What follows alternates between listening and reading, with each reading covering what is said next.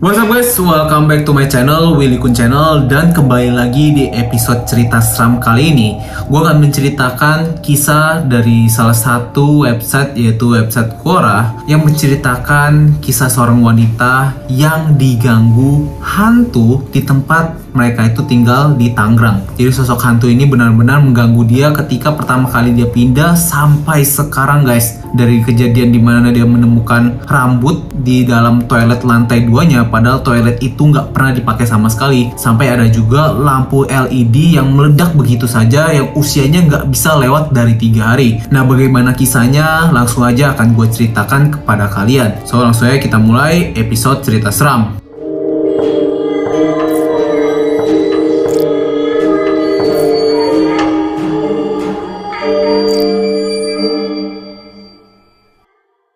Jadi cerita seram ini dibawakan oleh seorang penulis bernama Loisi Seputra di salah satu website Quora. Nah, ini adalah pengalaman dia ketika dia itu baru saja pindah ke rumah barunya di daerah Tangerang bersama suaminya. Jadi langsung aja akan gue bacakan kepada kalian. Pengalaman-pengalaman saya ini bermula dari awal perjuangan saya sendiri. Dari ketika pertama saya pindah ke rumah baru saya di daerah Tangerang. Kami, saya dan suami, termasuk dari pembeli-pembeli pertama pemukiman baru ini. Yang pada waktu itu pembangunan wilayah Tangerang ini masih terlihat seperti rawa-rawa dan belum ramai seperti sekarang banyak sekali kejadian-kejadian aneh yang terjadi. Saya akan coba ceritakan beberapa kejadian-kejadian utama sesuai runtutan waktu yang saya alami.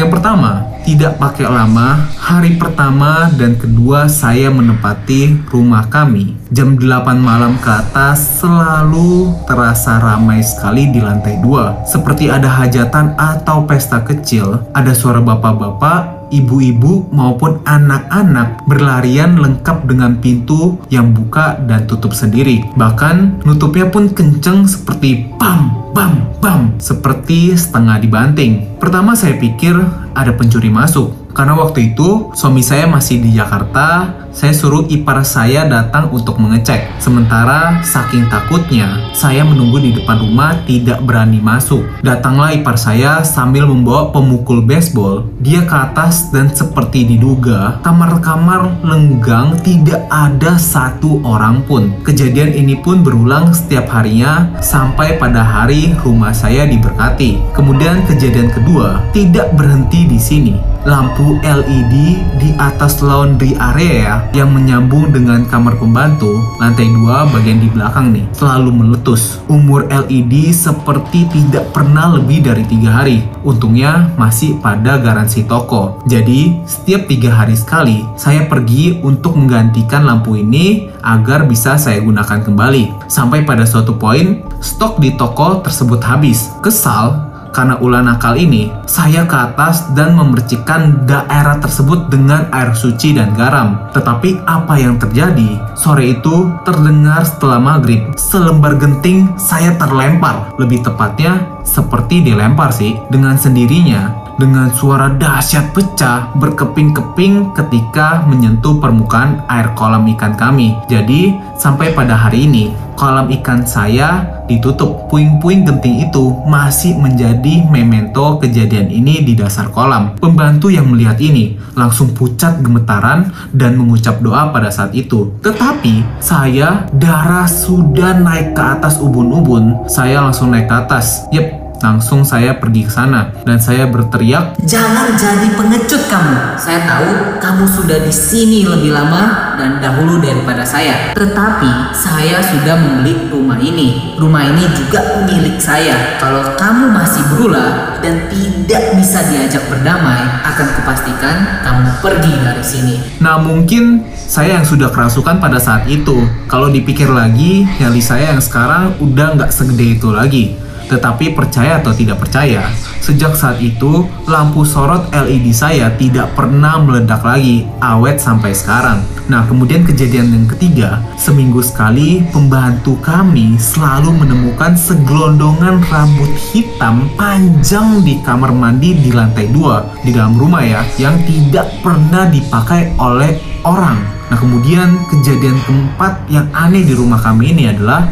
bola kecil atau ops yang selalu menari-nari mirip indikator nada di layar karaoke seperti itu ya di atas kolam ikan pada malam hari. Nah kemudian kejadian yang kelima adalah suatu ketika saya mengantar anak saya les ke ruko depan. Nah kemudian HP saya charge tinggal di dalam rumah. Selang ketika dalam perjalanan anak saya berkata, Mah, kenapa nelpon? sambil menunjuk HP dia yang berbunyi dengan kata mami atau itu dari handphone saya di layarnya. Saya sempat ngerem di tengah jalan saking kagetnya dan nada dering berulang 3-4 kali sebelum mati dengan sendirinya. Wah, hebat sekali. Sampai password handphone saya aja dia tahu loh. Nah kemudian kejadian keenam adalah suatu waktu kami pulang rumah hampir menjelang tengah malam di malam Jumat. Ya benar banget malam Jumat. Mendapati mesin cuci kami yang ada di lantai atas belakang sedang berputar. Kami hanya punya si mbak ART yang pulang pergi. Jadi nggak ada pembantu yang tinggal di dalam rumah kami tepatnya di lantai dua. Tetapi yang paling bikin ciut adalah suara cewek yang mondar mandir di atas. Berbicara dengan bahasa yang saya nggak ngerti tapi dengar jelas cewek itu seperti ngomyang kalau bahasa Jawanya artinya ngomong sendiri. Nah anehnya suami saya hanya bisa mendengar suara mesin cuci berputar tanpa suara si cewek ini. Suami saya sempat bilang Hmm, apa kamu mau aku ke atas buat ngecek? langsung saya potong. Udah biarin aja, kali aja baju dia kotor. Cepat-cepat kami masuk ke kamar dan beristirahat pada saat itu. Saya tidur dengan lampu menyala pada malam itu. Cerita yang ketujuh atau kejadian ketujuh yang paling janggal adalah salah satu puncaknya. Beberapa bulan yang lalu, suami saya lupa mematikan kompor. Dia merebus air memakai saus cepan dan lupa mematikan kompor semalaman. Ajaibnya, ya saya menulis ini sambil merinding ya. Paginya jam 6, itu kompor masih menyala dengan api yang tersetel paling maksimum membakar saus cepan tanpa gosong dan asap sedikit pun. Dia mungkin hendak bilang Ini loh, kamu lupa matiin kompor. Padahal panci yang sama pernah saya gosongin ketika saya lupa mematikan kompor hanya dalam waktu 10 menit dan dapur sudah sangat berasap pada waktu itu.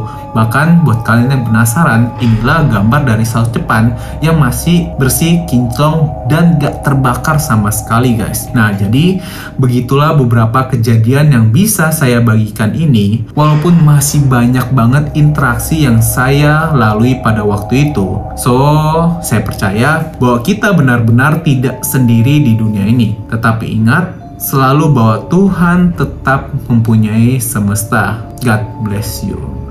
Jadi itulah kisah yang diceritakan oleh Lucy Saputra di mana kejadian ini benar-benar dialami ketika dia pindah ke rumahnya daerah Tangerang. Daerah Tangerangnya yang mana si penulis tidak memberitahunya guys. Gimana menurut kalian kisah ini? Nah gue sendiri juga percaya memang alam ini bukan milik kita sendiri guys. Pasti ada pemiliknya yang berada di dunia lain juga. Apalagi tempat-tempat yang baru kita datangi. Sudah pastilah kita harus meminta izin dan selalu berdoa agar terus dilindungi oleh Sang Pencipta. Nah buat kalian yang punya cerita-cerita misteri juga bisa langsung aja DM cerita kalian ke Willy Kun. Nanti akan gue baca satu persatu dan kita pastikan kita bawa di dalam episode cerita seram. So itu dia episode hari ini guys. Thank you for watching this video dan thank you guys for listening this podcast. So see you guys in the next video. Jangan lupa untuk selalu support channel ini dengan cara klik tombol subscribe aja karena subscribe itu gratis dan jangan lupa juga sekarang saatnya kalian share video ini dan podcast ini ke teman-teman kalian. See you guys in the next video.